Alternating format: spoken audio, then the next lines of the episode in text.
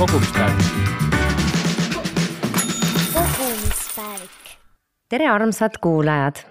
alanud on uus aasta ning soovin, et teil oleks tahtmist ja energiat teha muudatusi oma rahaasjades, et saaksite elada oma unistuste elu. ja selleks, et te saaksite inspiratsiooni, olen ma täna kutsunud stuudiosse investori, koolitaja ja rahatarkuse treeneri Jekateriina Tindi. tere tulemast, Jekateriina! tere! Räägi mõne sõnaga kuulajatele ka, et äh, kes sa oled ja mida sa veel teed lisaks nendele tiitlitele, mida mina mainisin kes ma olen ja mida ma veel teen. ma olen lisaks äh, ema, aga tegelikult, mida ma räägin, ongi see, et viimased siis neli aastat, isegi vist juba hakkab rohkem olema, aga viimased neli aastat ma olen pühendunud ennast eraisiku rahanduse teemadele ja investeerimisteemadele. et tööalaselt äh, eesmärgiga aidata inimestel saavutada sellist taset, et nad ei muretse oma rahaasjade pärast. Äh, ja lisaks sellele ma olen ettevõtja. Ehk äh, ma viin ellu projektid, äh, mis mulle meeldivad, sobivad, teen koostööd erinevate inimestega ja teen, üritan rohkem põnevaid asju teha elus, aga eesmärgiga ka positiivset mõju omada. väga lahe, sellest me veel lähemalt varsti kõigest räägime aga teeme väikse sellise kiirete küsimuste vooru. et mina küsin sinult kolm küsimust äh, ja sina saad siis äh, nendele vastata lühidalt. oled sa valmis mm? -hmm. nii, sinu esimene teenitud raha, kui palju see oli ja mida sa sellega tegid? Kui palju see oli, ma isegi ei, ei mäleta ja küsimus oli, kas see oli postkaartide müük või see oli Emoris telefoni küsitleja midagi emb-kumbast. mis ähm, vanuses sa olid siis? see oli koolis, selles mõttes ma arvan, ma olin äkki viisteist või neliteist, et äh, need olid minu esimesed töökohad. talvel ma küsitlesin inimesi, suhtlesin telefoni teel ja suvel postkaarte vanalinnas äh, müüsin. ja mis ma selle rahaga tegin, ma ei tea mis ma ikka nagu noore inimesega tol hetkel oskasin teha, et tegemist oli esimese sissetulekuga ja esimese rahaga, millega ma sain esimesi nagu iseseisvaid finantsotsuseid teha. et ilmselt see läks kulutamisele. Mhm, jooksvateks kuludeks. nii, teine küsimus, üks rahaline nõuanne, mida sa sooviksid, et oleks varem teadnud rahaline nõuanne, mida ma oleks varem tahtnud teada, on see, et äh, tuleb investeerimise finantsküsimused äh, varakult ette võtta ja seda valdkonda endale selgeks teha. kui sa seda sammu ei tee, teadmisi ei omanda ja ei julge ka riski võtta, siis mitte midagi ei juhtu mm. -hmm, väga hea, see on siis, kuulajad saavad kõrva taha panna. ja kolmas küsimus, mis on su halvim rahaga seotud harjumus? et sa oled nagu teadlik sa võib-olla isegi ei proovi seda muuta, lihtsalt tead, et nii on, see on minu omapära näiteks. Hmm.. kuna mul see valdkond on nii fookuses, siis kindlasti ma üritan igasuguseid halbu harjumusi juurutada ja õpetan ka teisi ja enda eeskujul näitan, kuidas just häid finantsharjumusi saab juurutada, et asi oleks kerge, automaatne äh, ja lihtne. seega selle vastusega, no tõesti, ma jään võlgu et äh,. ma ei tea, magusat näiteks ostad regulaarselt või? aga see ei ole halb harjumus. see on see on see, et äh, teadlik tarbimine, ma teadlikult luban endale orgaanilist toitu, mis nagu finantsiliselt on kallis, aga sa maksad mingi asja eest, mis omab kvaliteetset väärtust. et sa oled selle planeerinud juba, on ju? no siis ega midagi, kui ei tule, siis ei tule, on ju. aga ma küsin veel, äh, et see voor on nüüd läbi et äh, kui aasta alguses ikkagi inimesed annavad äh, erinevaid lubadusi ja, ja seavad eesmärke, et äh, kuidas sinuga lood on, kas sa sead eesmärke või pigem sa kogu aeg tegeled sellega? ja meil see aasta, kes mind Instagramis jälgib, siis on näinud, et kas see oli kakskümmend üheksa, millal me võtsime koos abikaasaga väliskontorit ja siis terve päev tegelikult tegelesime sellega, et me käisime ja seadsime eesmärke ja rääkisime läbi erinevad valdkonnad. Äh, ja tegin äh, iseseisvalt seda, seda teekonda lisaks ka.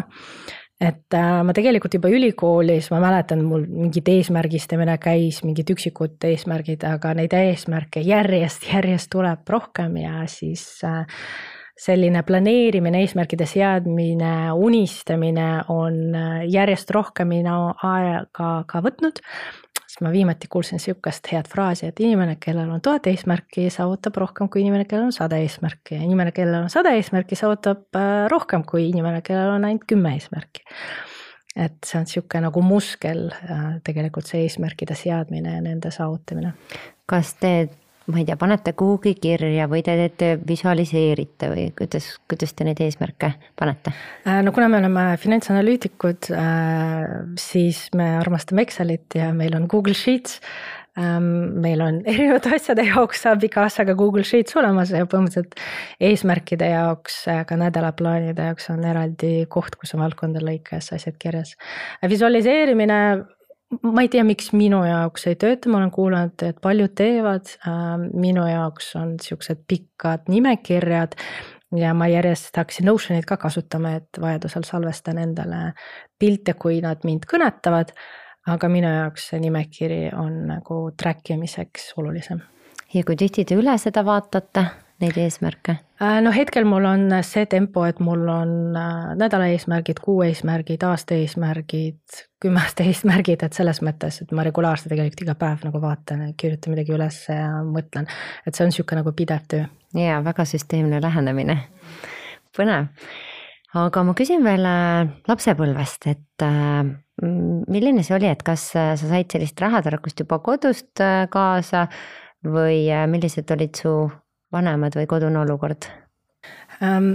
mulle meeldib see ja mille eest ma olen emale väga tänulik, on äh, see, et mul kodust tuli kaasa see mõte või põhimõte, mida ma olen kaasas kandnud, et raha alati peab olema selles mõttes, et sul alati peab olema säästud, mis on ära pandud, et sa ei kuluta kunagi nagu kõik sada protsenti niimoodi, et sul ei ole, vaid juhul, kui midagi on vaja, siis no tegelikult raha on. Äh, ja see on äh, tegelikult see peamine asi, mis ma seoses rahaga nagu mäletan lapsepõlvest, et kui olid mingid soovid, siis järsku nagu kuskil nagu oli see raha ja siis äh, juhul, kui oli, no ma ei tea, mingi ravimit vaja, siis tegelikult ka noh, oli, kuigi võib-olla ei olnud eelarvestatud, aga alati säästud on olemas. Seda põhimõtet sisuliselt olen edasi kandnud ka ülikoolis, et mul kontol alati peab nagu puhver olema ja raha olema et äh, see oli väga hea aga millal sind üldse see rahaasjade teema rohkem kõnetama hakkas või sa rohkem seda uurima hakkasid, kas alles ülikoolis või oli see juba varem? Äh, no ma arvan, see säästmise teema tuli kodust. Äh, ülikooli valik oli ka veidikene nagu raha, rahal põhinev, et valisin seda kohta, kus maksti stipendiumit Äh, kus, kus see oli? Äh, sisekaitseakadeemias, et mul oligi valik, et kas minna TTÜ-sse või sisekaitsesse, aga noh, kuna maksti stipendiumit, siis see oli kuidagi ahvatlevam. mida sa seal õppisid? maksundust et, äh, et ma tegelikult alati töötasin numbrite ja finantsidega, aga sisuliselt ähm, ma alustasingi sellest äh, maksunduse karjäärist, ettevõtete finantsidega, töötasin auditis, maksuauditis. ja siis eraisiku finantside vastu tekkis huvi ja mõte esmakordselt äh, siis, kui Rikas isa, vaene isa raamat sattus mulle kätte, ema kinkis, jällegi suur aitäh talle. Äh, siis lihtsalt esmakordselt tekkis see mõte, et ahaa, investor, nagu tavainimene saab ka investeerida, et see oli selline no täitsa uus mõte on ju, et ma ei pea ainult säästma, vaid see investeerimine on ka midagi, mis on äh, tegelikult kättesaadav. ja siis äh, aastast kaks tuhat kümme äh, järjepidevalt, vabandust, mitte järjepidevalt, aga see valdkond nagu tekkis mulle, see investeerimine aga ma ei tegelenud sellega veel süsteemselt ja eesmärgipäraselt, vaid see oli pigem selline juhus et midagi, et säästud veidikene kasvõi kasvaksid äh, kuskil fondis äh,. veidikene midagi õppisin, aga seal ei olnud jah neid süsteeme, eesmärke ja nii edasi.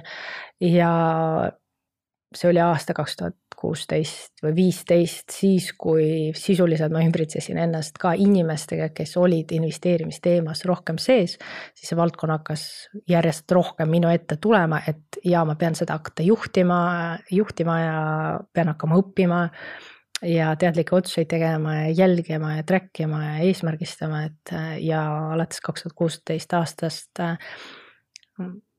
tekkis see olukord, et alguses mina alustasin veidikene, siis ma mõtlesin, et ei, peab nagu täitsa võtma ette süsteemselt, nii nagu finantsplaneerijad seda teevad siis loomulikult äh, ma veel pikalt research isin, kuidas seda tehakse, kuidas need best practice'id on. Äh, ja siis, kuna ma tol hetkel olin juba abielus, siis ka abiel, abikaasa juurde läksin, et noh, paneme siis koos, äh, niikuinii on ühisvara. et teeme need eesmärki planeerimist, investori deklaratsiooni, investeerimisotsuseid, riskitalavusi nagu, et me teeme kõik koos läbi. et olekski niimoodi noh, ametlik vara haldamine ja investeerimine. Ma saan aru, et äh, su abikaasa on ka samal lainel selles mõttes, et finantsinimene, et on, on, oli lihtne leida seda ühist keelt. No ta on analüütik, et selles mõttes ta on ka töötanud ettevõtetega, aga pigem strateegia poolega, hetkel ta on liikunud äh, finantsidest, otseselt finantsidega ei tegelenud.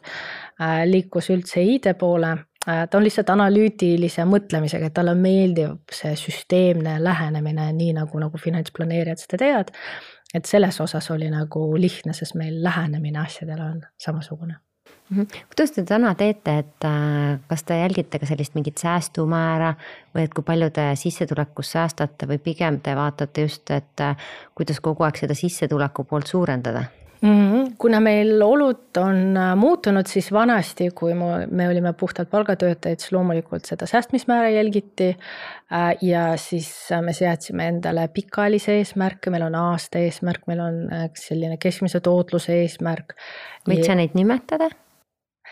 et Pigem, sisuliselt see üldine eesmärk on see, et viiekümne aastaselt ma tahaks omada nii suurt portfelli, et ma võiks nagu pensionile minna, ilma et mu elustiil kuidagi halveneks, vaid pigem nagu saaks isegi rohkem lubada no põhimõtteliselt väga suur eesmärk on ju. mitte, et ainult kulud on ju, et vaid et tõesti, et sa saad vabalt, ma ei tea, reisida, teha mida iganes sa teha tahad, on ju. jah, aga mhm. nagu ikka vaata, need eesmärgid kasvavad, ma arvan, meie esimene eesmärk oli see, et äh, nelisada tuhat võiks pere peale olla kahekümne aasta pärast, palju seal oli. Äh, ja aja jooksul lihtsalt need asjaolud muutuvad, eks see on nagu inimese enda otsus, vaata, et millal sinu jaoks on piisav, et mida, mis, mis elu sa sisuliselt tahad elada, on selles küsimus, et mida sa teed, kuidas sa tahad elu nautida ja kuidas sa tahad äh, mõju omada ja sisuliselt tänapäeval, kuna mina olen ettevõtja, siis pigem jälgime juba ettevõtluse näitajaid, finantsnäitajaid ja investeerimisportfellis on äh, tootlus äh, ja summad mm, -hmm. väärtus ma mõtlen, kas on mingeid asju ka, millest sa loobusid, et, et või te mõlemad näiteks teadlikult loobusite mingi periood, et, et liikuda oma eesmärgi poole? Ja ikka selles mõttes, kui sul, no sisuliselt meil sissetulekud on piiratud, aga tegelikult väljaminekud, eesmärgid on tegelikult piiramata, on ju, me tahame reisida, me tahame investeerimiseks, ma ei tea, finantsvabadusele, finantsvabaduse poole liikuda et alati tuleb valikuid teha ja prioriteete seada. ja algu, teekonna alguses äh, kindlasti minu mõtteviis oli rohkem see, et ma pidin rohkem hakata säästma. et äh, kuna see sissetuleku kasvatamine, noh palk võib-olla kord aastas sul muutub. et sa pead ikkagi, kui sa tahad rohkem investeerima, et kas pead rohkem tööd tegema või rohkem säästma et see säästmise pool, äh, sellega tegelesin rohkem. noh, üks näide selles näiteks, et kuni aastani, ma ei tea, kas see oli üheksateist või kakskümmend. sõitsin autoga aastast kaks tuhat kolm, tegelikult ma ei ole autot mitte kordagi vahetanud. või noh, kord vahetasin seal ülikooli ajal, aga nagu hästi pikalt sõitsin ühe autoga, mida ma nagu hoidsin elus ja abikaasa samamoodi, tema auto oli aastast kaks tuhat üks, mida ma teadlikult lihtsalt ei vahetanud, sest no tegelikult hea auto, kvaliteetne Volvo äh,. lõppude lõpuks äh, elu õnneks läks seda teed pidi, et ei olnud mõtet seda lihtsalt nagu taastada. aga kindlasti need valikud olid, et teadlikult valid elada allapoole veidikene nende võimete, sest alati vaata, kui palk kasvab. loomulikult tahaks elu rida elamuboksi, loomulikult tahaks veel nagu hetkel on tuba puudu. nagu loomulikult, no kõike saab, aga küsimus on see, et mis su prioriteedid on, et äh, kui hetkel mina otsustasin ja me oleme pigem sel teel, et jah, tänapäeval tegeleme rohkem nagu sissetuleku kasvatamisega. et see elustiil ikkagi sa hoiad kontrolli all. ähm, selleks, et säästa, investeerida rohkem, et saaks ka reise teha. väga lahe. tasakaal. jah, et see ongi täpselt see, et äh, sa mõtled just, et mis on su eesmärk, et äh, kas ma nii-öelda nagu öeldakse, et paned raha, kas sa lähed kohe paned poodi või pigem paned näiteks selle poe aktsiasse ja pärast dividendi eest mm. ostad, on ju, et, et seesama mõtteviis. aga tänaseks sa teedki palju erinevaid koolitusi, oledki nii-öelda rahatarkuse treener ja jagad oma äh, teadmisi ka sotsiaalmeedias. Äh, kas sellest elab ära?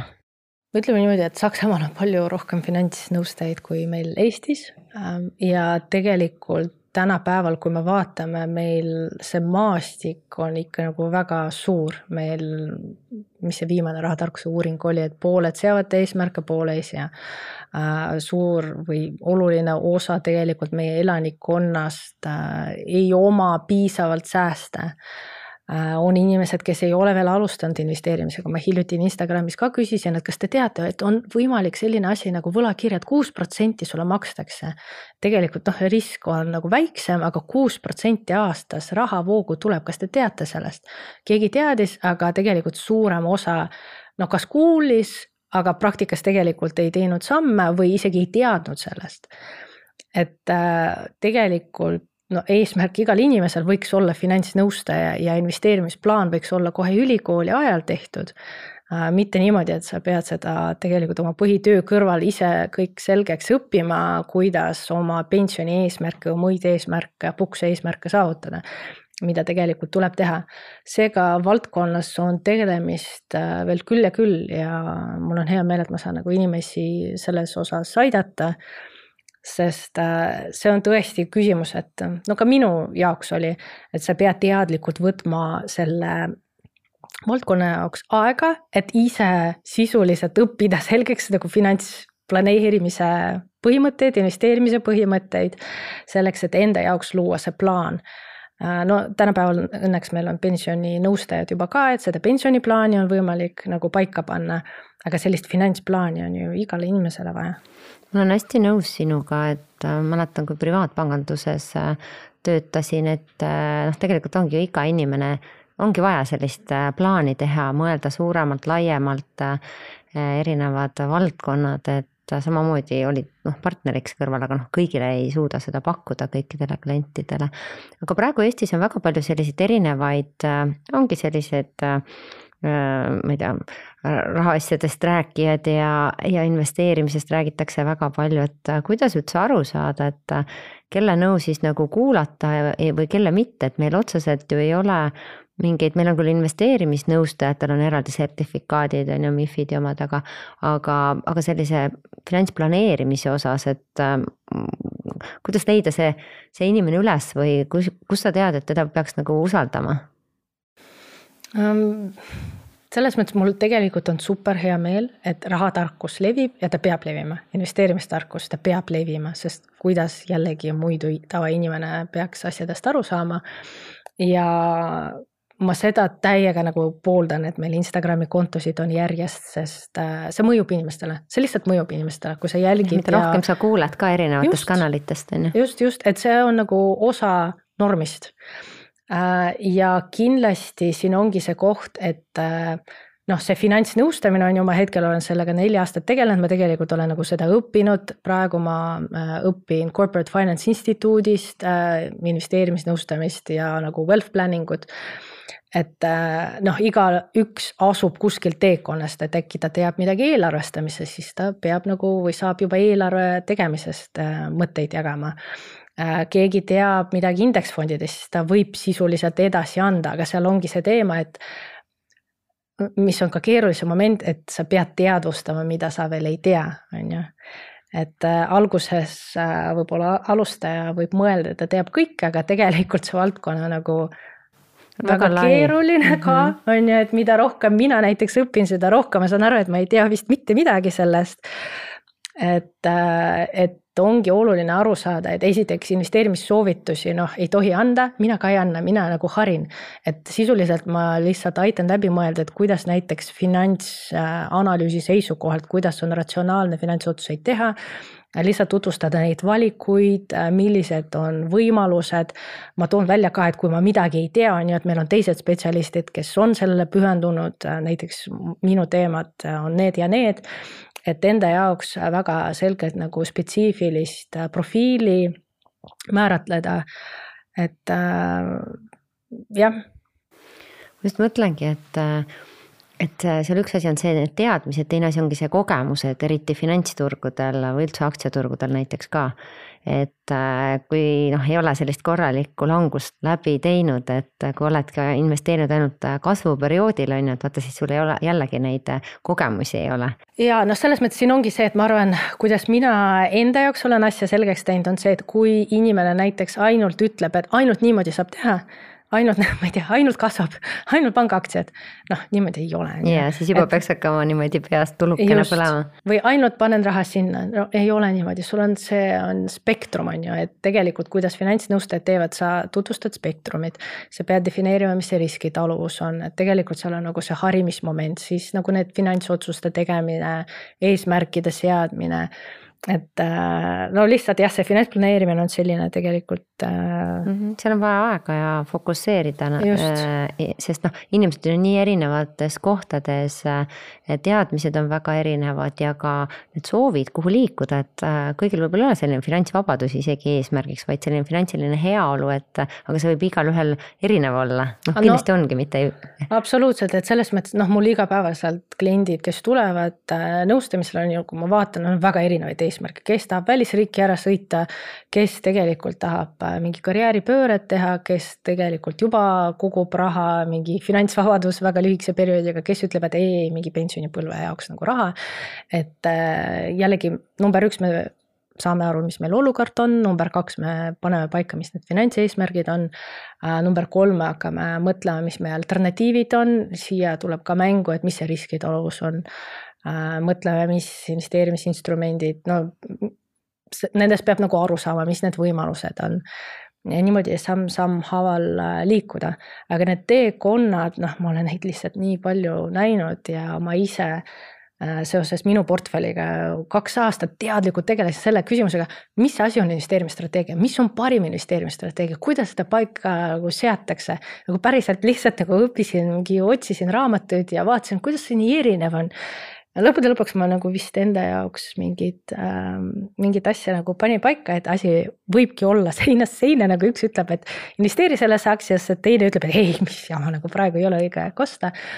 et ähm, kuidagi enda tõde tuleb leida sealt vahelt äh,? mitte enda tõde, vaid seal on teatud reeglid, on ju, et on olemas aktsiate äh, väärtuse hindamine, sellele põhinev äh,. tegelikult on olemas strateegiad, investeeritakse kasvuaktsiatesse, on olemas strateegiad, pigem investeeritakse näiteks dividendiaktsiatesse või dividend growth investing või üks strateegia, jälgitakse majandustsüklit. igatahes investeerimisstiilid on erinevad äh,. Tomo Taranil on eraldi investeerimisfilosoofia raamat, igatahes kõik on võimalik.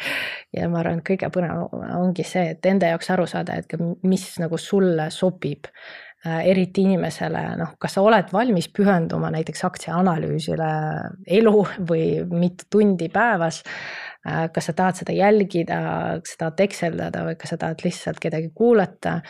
Ähm, et oluline on aru saada, mis need riskid on ja mis see tootlus on ja selle arusaama loomine, noh, mina ikka veel üritan aru saada, et see on selline õpimine aga see ongi väga hea, me tegelikult ju, mida inimene vajab, ongi see, et keegi küsib neid küsimusi, kes juba ise aru saab, on ju. et, et sa oskaksid vastata sellele. ja siis juba saabki aru, et kuhu suunas üldse minema hakata mm. -hmm. aga ma küsin veel seda, et sa oledki kokku puutunud erinevate inimestega, et mida sa näed, mis on need ma ei tea, põhilised äh, probleemid või, või mis on need sammud, mida nad just äh, peaks tegema, et üldse hakata minema? oi, no jällegi ähm, number üks, ma arvan, selleks hakata minema, sul peab olema aeg. sa pead... pühendad aega sellele? jah et äh, ma olen näinud inimesi, kes on näiteks ka minu koolitusele tulnud, aga no lihtsalt nad ei võta seda aega, et äh, vaadata oma rahaasjade peale. sul sisuliselt on noh, mis sul valikud on, sa kas tegeled sellega, võtad aega, õpid ise, teed selgeks, kas sa otsid endale litsentsiga võib-olla investeerimisnõustajat, kellele sa delegeerid või varahaldajat, kes sisuliselt teeb sinu eest seda finantsplaneerimist, investeeringute juhtimist ja nii edasi. Või sa ei tegele üldse, üleüldse siis noh, saab vaadata, mis see tulemus saab olema et igaüks nagu valib, mis teekonda ta soovib ette võtta, aga siin ongi see valik, kui palju sa aega pühendad, mis tulemust sa soovid saavutada ja kui palju teadmisi sa ise oled valmis äh, omandama, no ja mis, ma ei tea, lühiteid sa oled valmis võtma. et ma arvan, kõik need koolitused, mis, miks neid tehakse, ongi see, et äh, muidu noh, mina mingi pool aastat õppisin ja üritasin aru saada, kuidas üht äh, fondi leida, parimat fondi, sest Euroopas on ETF-e üle kahe tuhande, et kuidas, kuidas ikkagi see õige leida, et äh, hull ekseldamine nagu võrdlus käis. et seepärast ma arvan, et koolitused ja igasugused nõustamised, teadmiste edasiandmine ongi hea, et sa saad kiiresti nagu küsida äh, kasvõi oma teadmisi kinnistada või äkki mingit uut aspekti enda jaoks avastada, mille peale sa ei ole tulnud. Ähm, sest jällegi noh, võib raamatuid lugeda, tänapäeval on nagu informatsiooni väga palju jah, ja isegi võib-olla liiga palju, et ma just jäin mõtlema, et need fondijuhid, ma tean ju, seal on taga täitsa suured tiimid, kes siis just nimelt teevad sedasama tööd, kus sa ütledki, et ma ei tea, paarisaja seast või mitme tuhande seast sa pead mm. valimagi välja, need on nüüd siis ETF-id või on need siis mm. aktsiad mm.. et kogu aeg ju käib pidev töö, et noh, see ongi no, alati just. tekib küsimus, et noh, mille eest siin raha makstakse, on ju, miks ma pean fondihaldurile mingit raha maksma. aga see ongi tegelikult see töö, mis siis sinu eest ära tehakse jah, jah, et selles mõttes küsimus on võimalik loomulikult äh, DIY-d teha, et do it yourself äh,, ise valida, need teadmised on järjest äh, kättesaadavamad. aga no näiteks mingi aktsiaanalüüs, aktsia hindamine on ju, siis siin saab nagu analüütikute äh,. arvamusi võtta arvesse on ju. jah, tööd äh, arvesse võtta ja siis teistega suhelda ja siis omapoolseid teadmisi lisada, et selles mõttes jah, need teadmiste kogum kuidas sa enda jaoks äh, seda võimalikult kiiresti omandad äh, ja sellest iva leiad ja süstematiseerid, et sa saad selle peal põhjendatult äh, otsuseid teha, võimalikult häid otsuseid. -hmm. ma jäin korra veel mõtlema sellise, et sa annad, teed koolitusi nii eesti kui vene keeles ja osalesid meil ka mm, Swedbanki investeerimiskoolis, et jagasid oma kogemusi seal. et kuidas sa tunned, et äh, kas pigem on need eestikeelsed või venekeelsed, äh, kus rohkem täna huvi tuntakse? Äh, no venekeelses maailmas ei ole sellist liikumist finantsvabaduse taga. et ma viimati esinesin Business Forum vist oli nimi kus äh, ma rääkisin ka, et äh, miks on rahatark töötaja hea, mis tegelikult küsimused töötajatel tekivad, miks üldse näiteks meid kutsutakse, teisi rahatarkuse edendajaid ka nagu organisatsioonidesse üsna regulaarselt, et töötajatele nagu rääkida rahaasjade mingi A ja O investeerimise alustest ja nii edasi äh,. ja siis ei olnud ühtegi küsimust, et ähm, vene keelt kõnelevate inimeste seas äh, ei, ei ole nii populaarne nagu see teema. ja on blogijaid oluliselt vähem, see kult-, sellist kultuuri ei ole, et on ju, et ma teen oma portfelli lahti ja nüüd räägime ja teen, hakkame raha tegema. et äh, õnneks paar blogijaid on näiteks, kes mina Instagramis ka jälgin. Mm, aga no lihtsalt ei ole seda massilist sellist nagu liikumist, et see on normaalne, et tavaline inimene alustab investeerimist ja on võimalik investeerida ka minimaalse ajaga et äh, see teema lihtsalt ei ole võib-olla niivõrd prioriteedis. ja, ja kõigile kuulajatele ka, et äh, kui te mõtlete, et hakkaks investeerimisega alustama, et siis tegelikult need leiate investeerimiskooli videod äh, Swedbanki kodulehelt. on säästmine, investeerimine, investeerimisega alustamine, et, et sealt leiate need, saate veel järele vaadata. aga ma tean, et sa ise kirjutasid hästi vahva raamatu Rahaline vundament et räägi natuke sellest ka, et kust see mõte tuli eh, ja kellele see raamat võiks eh, hästi sobida? Äh, see raamat tegelikult äh, tuli kursuselt. Äh, meil on olemas kursus, alguses ta oli nimega Rahaasjad fookuses nüüd on rahaline vundament ehk sisuliselt selle kursuse raames me sisuliselt läbi teeme seda finantsplaneerimist, alustame olukorra selgitamisest, teeme eesmärgid korda tegeleme ka karjääriplaaniga, mis on ka tegelikult hästi oluline aspekt, kui sa tahad seda lisaraha leida äh, ja arenguplaaniga ja teeme investeerimise selgeks ja pensionifondide näitel teeme selgeks, mis on risk, mis on tootlus, kuidas fondi valida. et see on minu meelest selline töö, mida võikski igal inimesel olla tehtud, et finantsvaldkond oleks nagu kaetud, et, et mingi plaan oleks nagu paigas. ja seda kursust ma hakkasin tegema selleks, et äh, jällegi ei piisa lihtsalt, kui sa kuulad.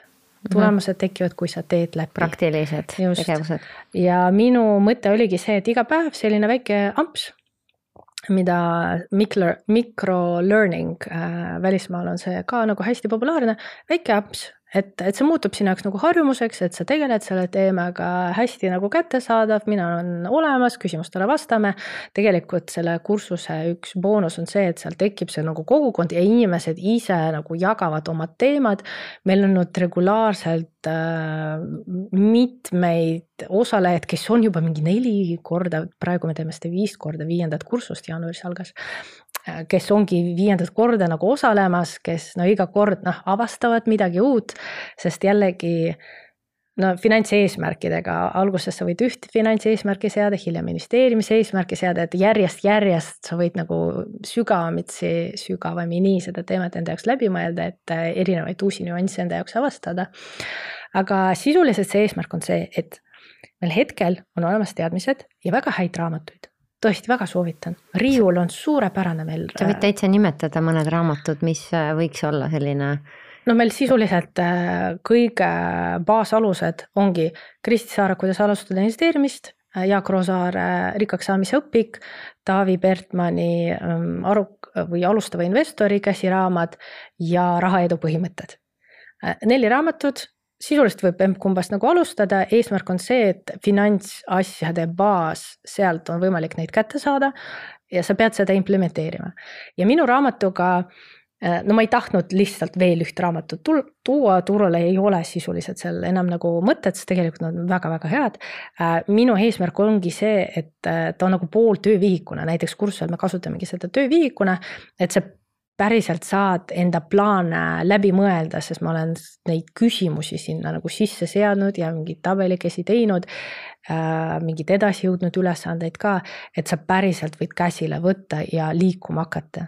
et inimesed, kes on seda läbi teinud, näiteks Instagramis meil oligi ähm, rahalise vundamendi raamatu eksperiment, kus inimene võttiski raamatu ette ja siis jagas äh, oma kogemusi no tagasiside ongi see, et ta aitab sul nagu järjepidevust nagu hoida, et iga päev väike sammukene tegeled äh, selle teemaga ja tegelikult sellised väiksed sammud võivad väga heade tulemusteni nagu viia. et päriselt, et need tulemused, mis, miks ma üldse seda teen, siis kui inimene tuleb ja räägib, et oh, tead, ma avastasin, et ma suudan mitusada eurot säästa kus ma varem olin mm -hmm. noh, sellised nagu lihtsad asjad või, või viimane, mis oli raamatu esitlusel, keegi tuleb ja räägib, et no mõtteviisi muutus, vaata, et see, et investeerima tegelikult nii nagu kättesaadav ja lihtne. aga mul on juba üürikorter siis nagu, kus sa alustasid nagu alles aasta tagasi. et need muutused võivad ikka väga-väga suured olla ja ma arvan, noh, see on see põhjus, miks ma üldse midagi teen jah, sa noh, tegelikult ju ise ka said aru, et äh, midagi ikkagi on puudu veel sellelt turult on ju, ütleme raamaturiiulist, et just täpselt see töövihik siis, et äh, mida siis samm-sammult minna. aga on sul mingi, ma ei tea, podcast, mida sa ise kuulad või, äh, või mis raamat sul näiteks endal praegu käsil on? selles mõttes jällegi noh, mina olen juba nagu võib-olla teisel tasemel. Ähm, ma lõpetasin ühe fondide kohta raamatu ja praegu ma kuulan tegelikult ühest ähm, nagu rikkuse mõtteviisist sellise raamatu võtsin käsile. et mul raamatute loetelu järjest on ESG raamat oli siin äh, käsil Euroopa Finantsplaneerijate Assotsiatsiooni oma, et äh, see oli nagu hästi paks, millest üle minna, aga see oli pigem nagu õpik on ju, et minu eesmärk on, on raamatud, mida sa niimoodi loed või isegi kuulad, mis on sellised võib-olla mm, soft teemadel. ja siis on raamatud, millest äh, midagi praktilist õppida, no näiteks mingi finantsplaneerimine, ETF-ide maailm või, või ESG maailm, et aga kuulad sa mingeid podcast'e ka? või pigem sa rohkem loed?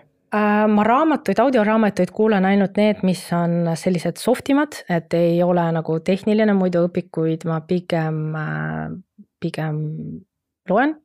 aga podcast idena, ütleme niimoodi, mul on teatud analüütikud, keda ma jälgin, äh, põhimõtteliselt, kuidas ma oma teadmisi omandan, täiendan, noh hetkel eraldi nagu kursused.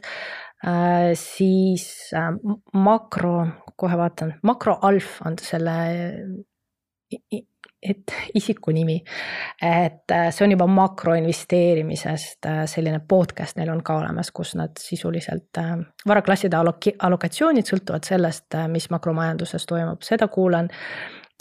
üksikaktsiate analüüsist on, kui ma õigesti mäletan, selle inimese nimi oli Sven Karlin, kes ähm, pühendubki konkreetselt ettevõtete analüüsidele Äh, ja responsible investing, äh, impact investeerimise kohta on eraldi podcast'id, mida ma olen kuulanud. Äh, meie kohalikke podcast'e üritan ka kuulata, meil on neid nii mitmeid head, et veidikene nagu kursis olla. aga siin ongi see küsimus, et jällegi noh, teemasid palju, teadmisi palju et äh, mis valdkonna teadmisi on vaja omandada selleks, et kas sina oleksid edukam või näiteks millele sa spetsialiseerud äh, või ma ei tea, tööalaselt on vaja selgust luua. ja nagu kindla fookusega midagi nagu omandada, aga jah, tund aega päevas võiks midagi õpetada, õppida niimoodi, et sa nagu omandad neid teadmisi ja saad praktikas rakendada jaa, ma mõtlengi, et, äh, et noh, jällegi teadlikult aja võtmine selleks, et äh, meil ka Swedbankis on see investeerimisjuttude podcast, mis siis kord nädalas annab ka ülevaade, et äh, mis turgudel toimus eelmine nädal ja mis on edasi tulemas, on ju. jah, ja, ja näiteks no põhimõtteliselt pankade podcast'id ja mhm. teie mm -hmm. venekeelset lehte ma näiteks ka oma klientidele nagu soovitanud, et kui te vene keeles tahate midagi lugeda, siis väga hea, et. koondatud info. just jaa, aga läheme sinu portfelli juurde ka, et äh, kaks tuhat kümme alustasid äh, küll fondidega, aga mis sellest tänaseks saanud on, et mis sul täna portfellis on mm.? Äh, kaks tuhat kümme alustasin, vaata, saab mõelda, et vau, kaksteist aastat, no tegelikult ma selle esimese viie-kuue aastaga, ma arvan, äkki paar tuhat eurot säästsin, sest see oli mhm. lihtsalt nii juhuslik ja siis Baltikumit pidin miinusega maha müüma ja siis fondiga sain aru, et tegelikult isegi inflatsioonimäära see tootlus ei ületanud, sest noh, ma ei teinud teadlikke otsuseid. vaid see oli pigem nagu sihuke nagu juhus. aga sisuliselt alates kaks tuhat kuusteist aastast, äh, kui ma seda teadlikult võtsin, siis äh, ma olen enamasti oma portfellid nagu hajutanud et äh, tänapäeval mul portfellis on põhimõtteliselt kõiki varaklasse äh,. mul on suurem osakaal aktsiates, sealhulgas aktsiafondides äh,. üle mingi kolmekümne protsendi on aktsia ETF-ides, siis on olemas võlakirjad äh,, laenud ühisrahastuses hetkel välli, väljun Äh, võtsin ka kulda aastal kaks tuhat kakskümmend üks portfelli riski maandamiseks. Äh, füüsilist või ikka läbi fondi? Äh, läbi fondi mm. -hmm siis aasta, eelmisest aastast ka iduettevõtete, rohetehnoloogia iduettevõtteid võtsin portfellisse.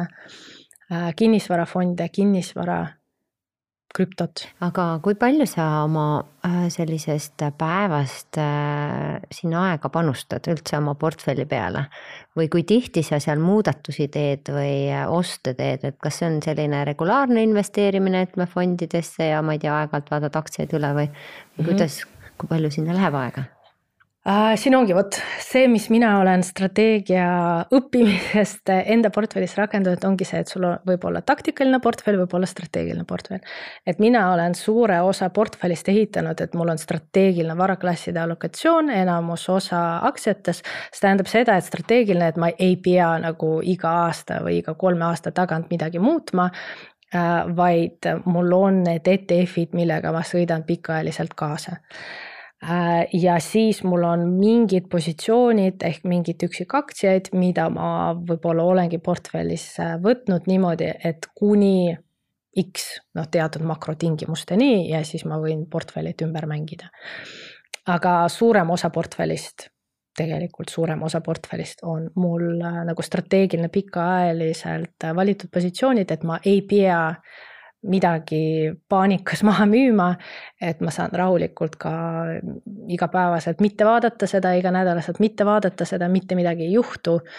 Äh, ja tulemus ikka tuleb okei okay ja, et just, et kui ta isegi langeb, on ju, sa tead, et see pikaajaline vaade on äh, ikkagi sellel, ma ei tea, sektoril siis äh, positiivne, on ju jaa, et selles mõttes ütleme niimoodi, ma sektori lõikes üksikuid selliseid positsioone ei ole võtnud.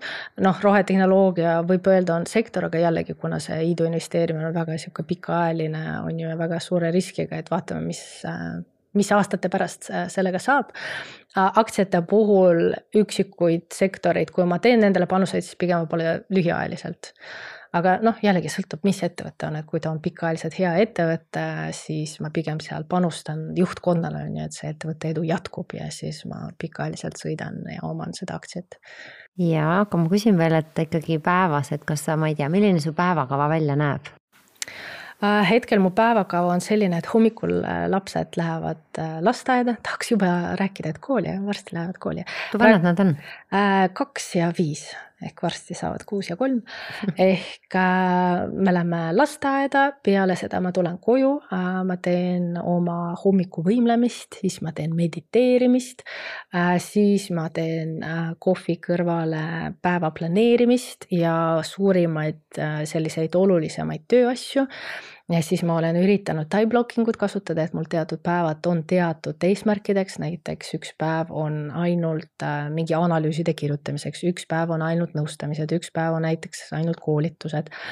et sõltuvalt sellest, mis päev on, äh, sõltuvalt sellest äh, tegelen tööteemadega noh, ja see on vaata õnn, et kuna ma pean niikuinii investeerimisteemadega tööalaselt tegelema, siis ma vajadusel noh, paralleelselt vaatan ka enda jaoks asju aga kord kuus ma pühendan aega, et vaadata üle oma portfelli, võib-olla midagi hinnata seal ümber, vaadata, kuidas läinud on, mis mineviku numbreid, sisestan neid.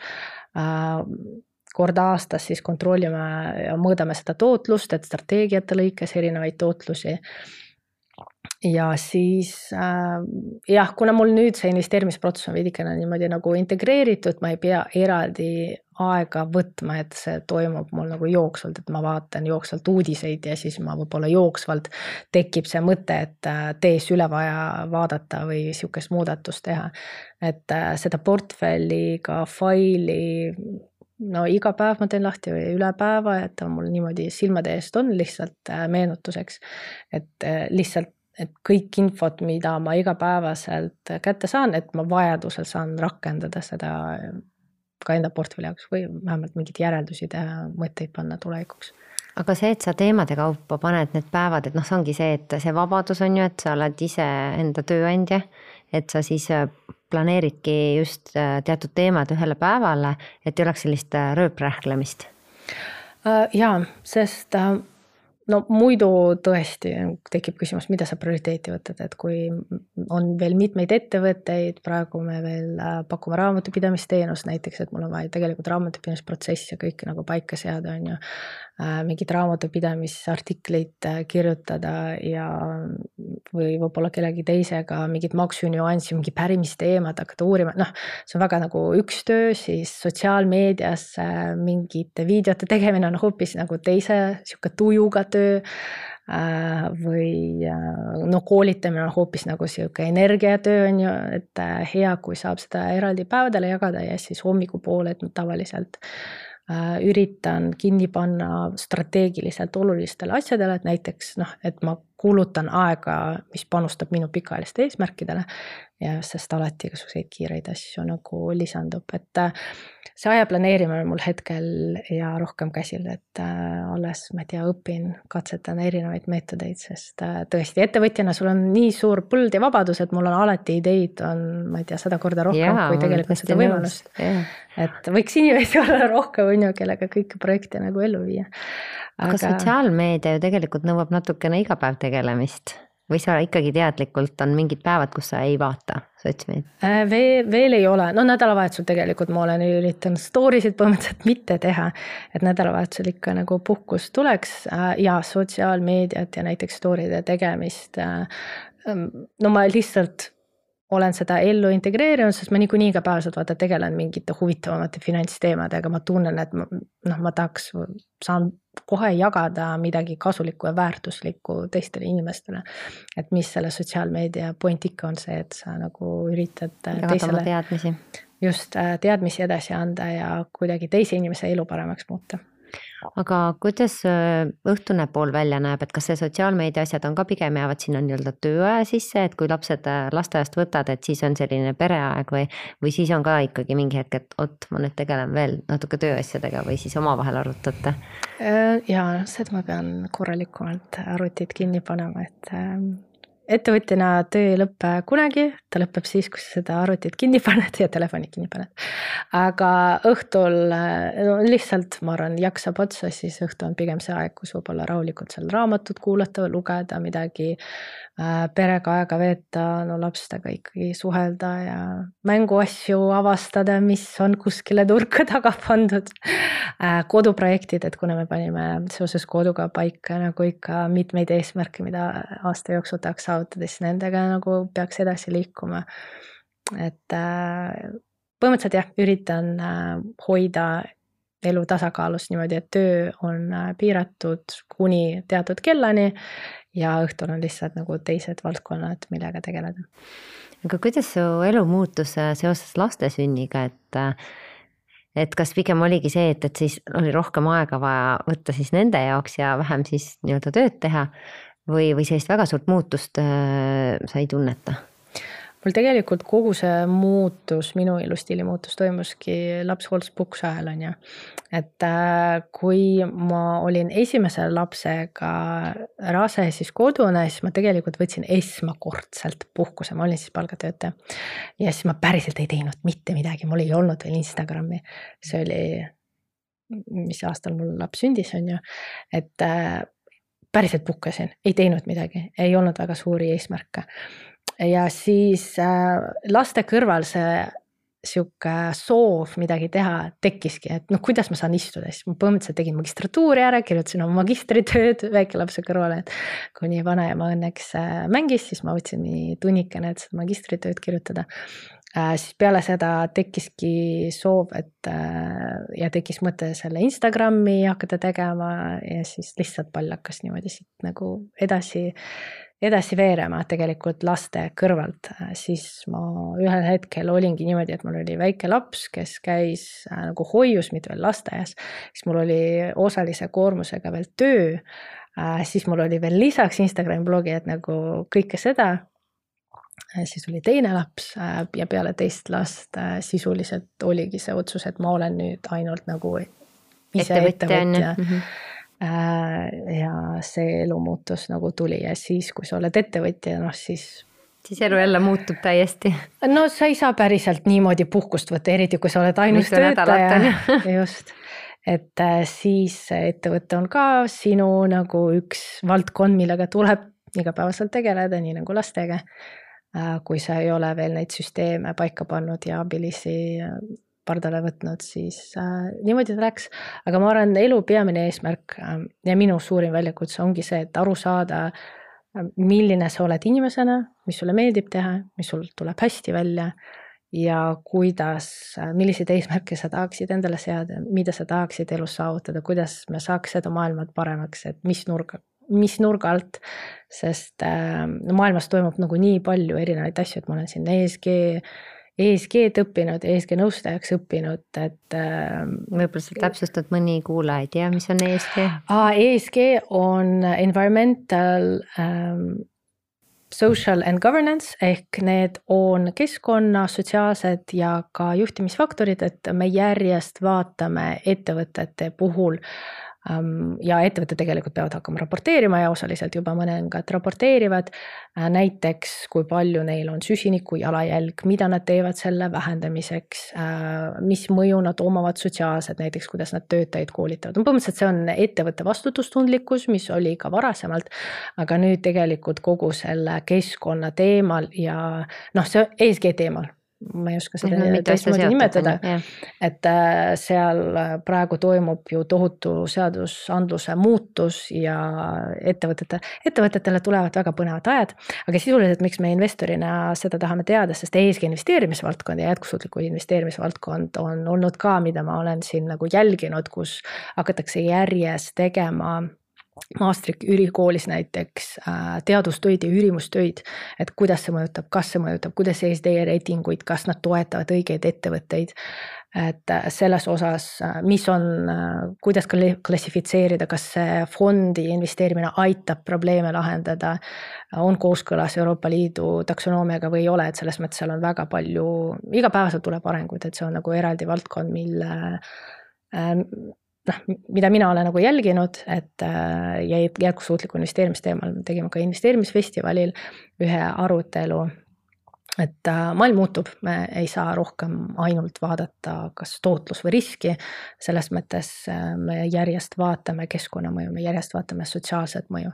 et igal ettevõttel peab olema missioon, mingi eesmärk, miks, miks see ettevõte tegutseb, et ja me minimeerime meie negatiivset mõju, me järjest peame hakkama meie majandust üle tooma mitte ainult jätkusuutlikkuse poole, vaid regenerative, et taastamise poole, me peame taastama seda kahjumit, mis me oleme sellele planeedile tegelikult nende aja jooksul teinud.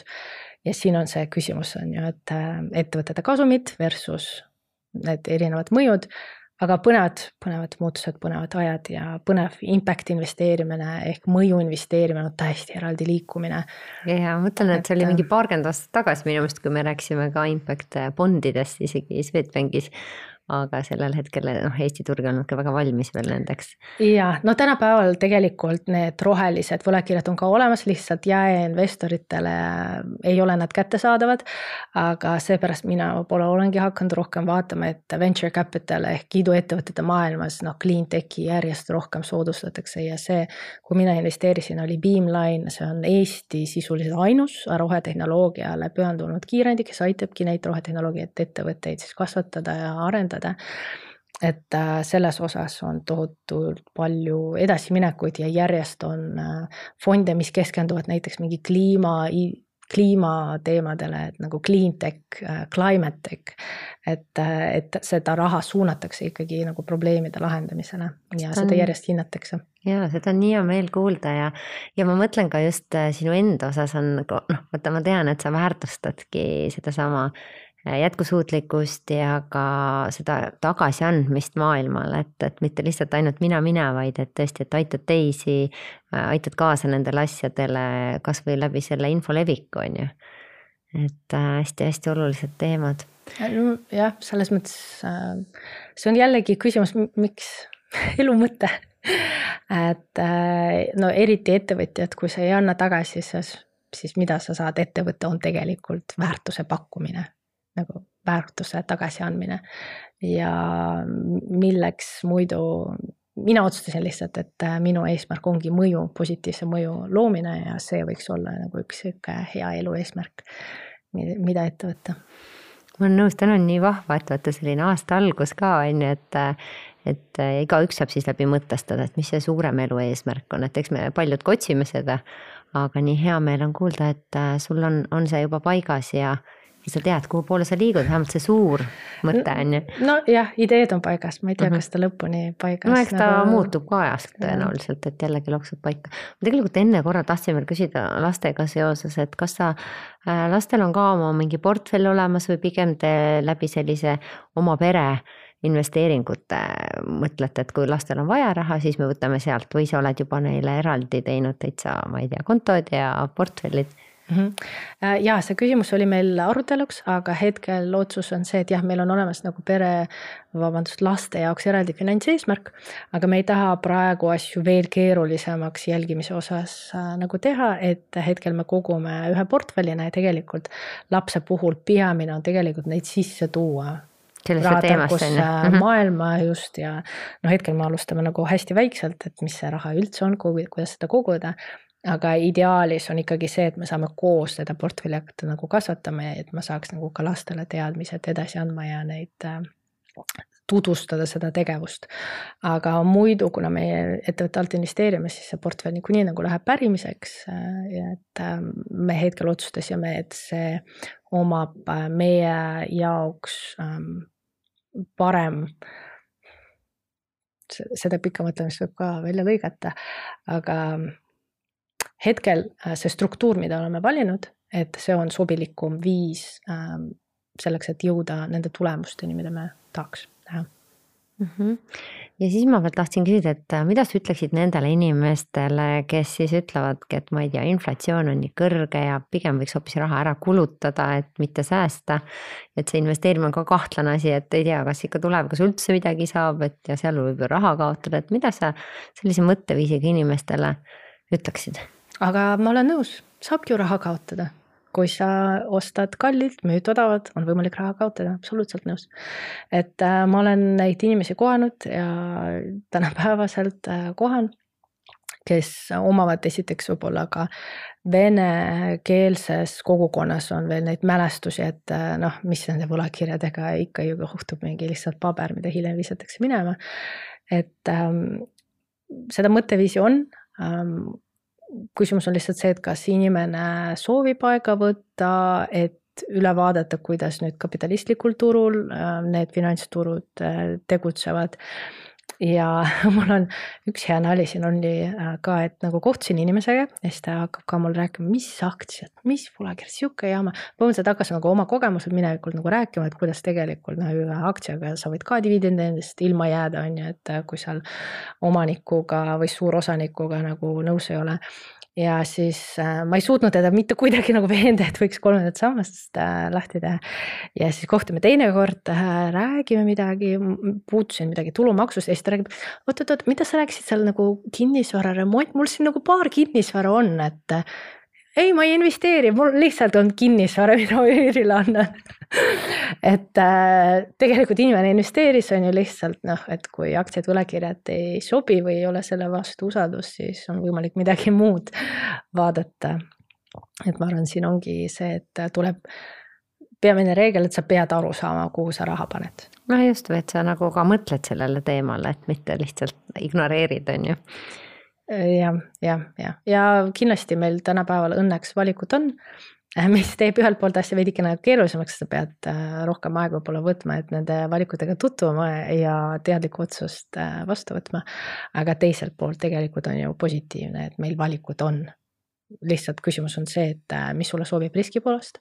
Äh, noh, tootluse poolest, kas sa oled selle tootlusega nõus, äh, kui palju see aega nõuab, kas see on kooskõlas selle nagu kasutusega, mis sina soovid.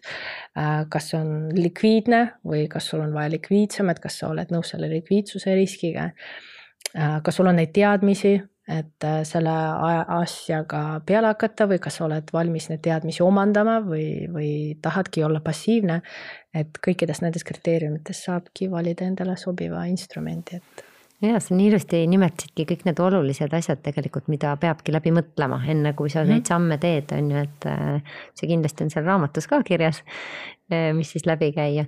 aga lõpetuseks ma küsin sinult, et sa noh, jällegi tegeledki ju päris paljude erinevate teemadega, äh, paned sinna nii oma aega kui energiat, et kus sa ise seda energiat tagasi saad või mis on see, mis sind täidab?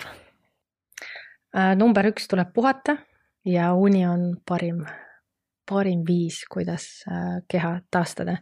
siis äh, spordi tegemine või regulaarne liikumine, et sisuliselt ma, ma olengi lihtsalt esiteks pakkunud endale piisavalt und äh,, piisavalt pikk, piisava pikkusega und ja siis hoidnud neid häid harjumusi, hea toitumine, vee joomine, külm dušš kindlasti sellised äh, nagu vaimse tervisega tegelemine, mingi päevikuse kirjutamine, journaling, meditation, äh, selle mõttetööga tegelema selleks, et nagu omada head, äh, head tuju äh, kõikide asjade ärategemiseks, et see on sihuke head harjumused. aga mis sa oma keha jaoks teed füüsiliselt, käid sa trennis kuskil või pigem õues jalutamised või? jällegi, kes Instagrami jälgib, kunagi äkki märkasid, et meil kodus jõusaal on et äh, väga hea nagu sääst-, säästlik moment on ju, et sul kodus on hantlid. aga sisuliselt hetkel minu eesmärk on see, et ma kas iga päev teen kas pikemat sellist äh, mingi otsa, et liikun või jõutrenni üritan ka teatud regulaarsusega teha.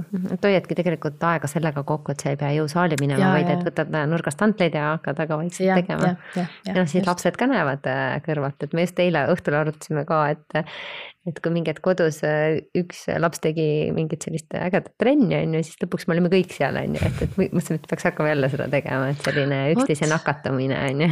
just, nii äge nagu niimoodi tegelikult see on win-win, mida ma räägin, et äh, kui me räägime säästmisest, siis ei ole vaja ainult raha pärast säästa, on ju, tasub keskenduda sellele, et mis on võimalik teha, et on tervislik, tervisele näiteks hea, rahakotile hea, võib-olla keskkonnale hea, suhete jaoks hea.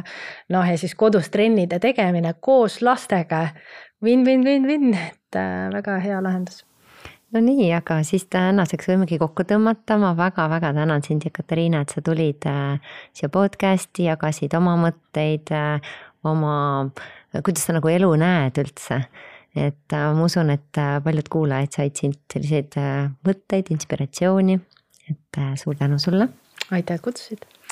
ja kuulajatele ka, et tegelikult neid selliseid muutusi või muudatusi on hea teha, kui on selline toetav grupp ka, et äh, kes veel ei tea, et on meil Eesti suurim rahatarkuse äh, Facebooki grupp Kogumispäevik. ja nüüd aasta alguses jälle hakkame sellest aastajoost, eesmärkide panemisest, eelarve tegemisest. et see on kindlasti koht, kus te saate minna ja küsida ka abi, kui on vaja ja vastupidi, kui teil on teadmisi, minna oma teadmisi jagama et olete oodatud ja külluslikku aastat ja kuulmiseni jälle paari nädala pärast. aitäh. kogumispäev. kogumispäev.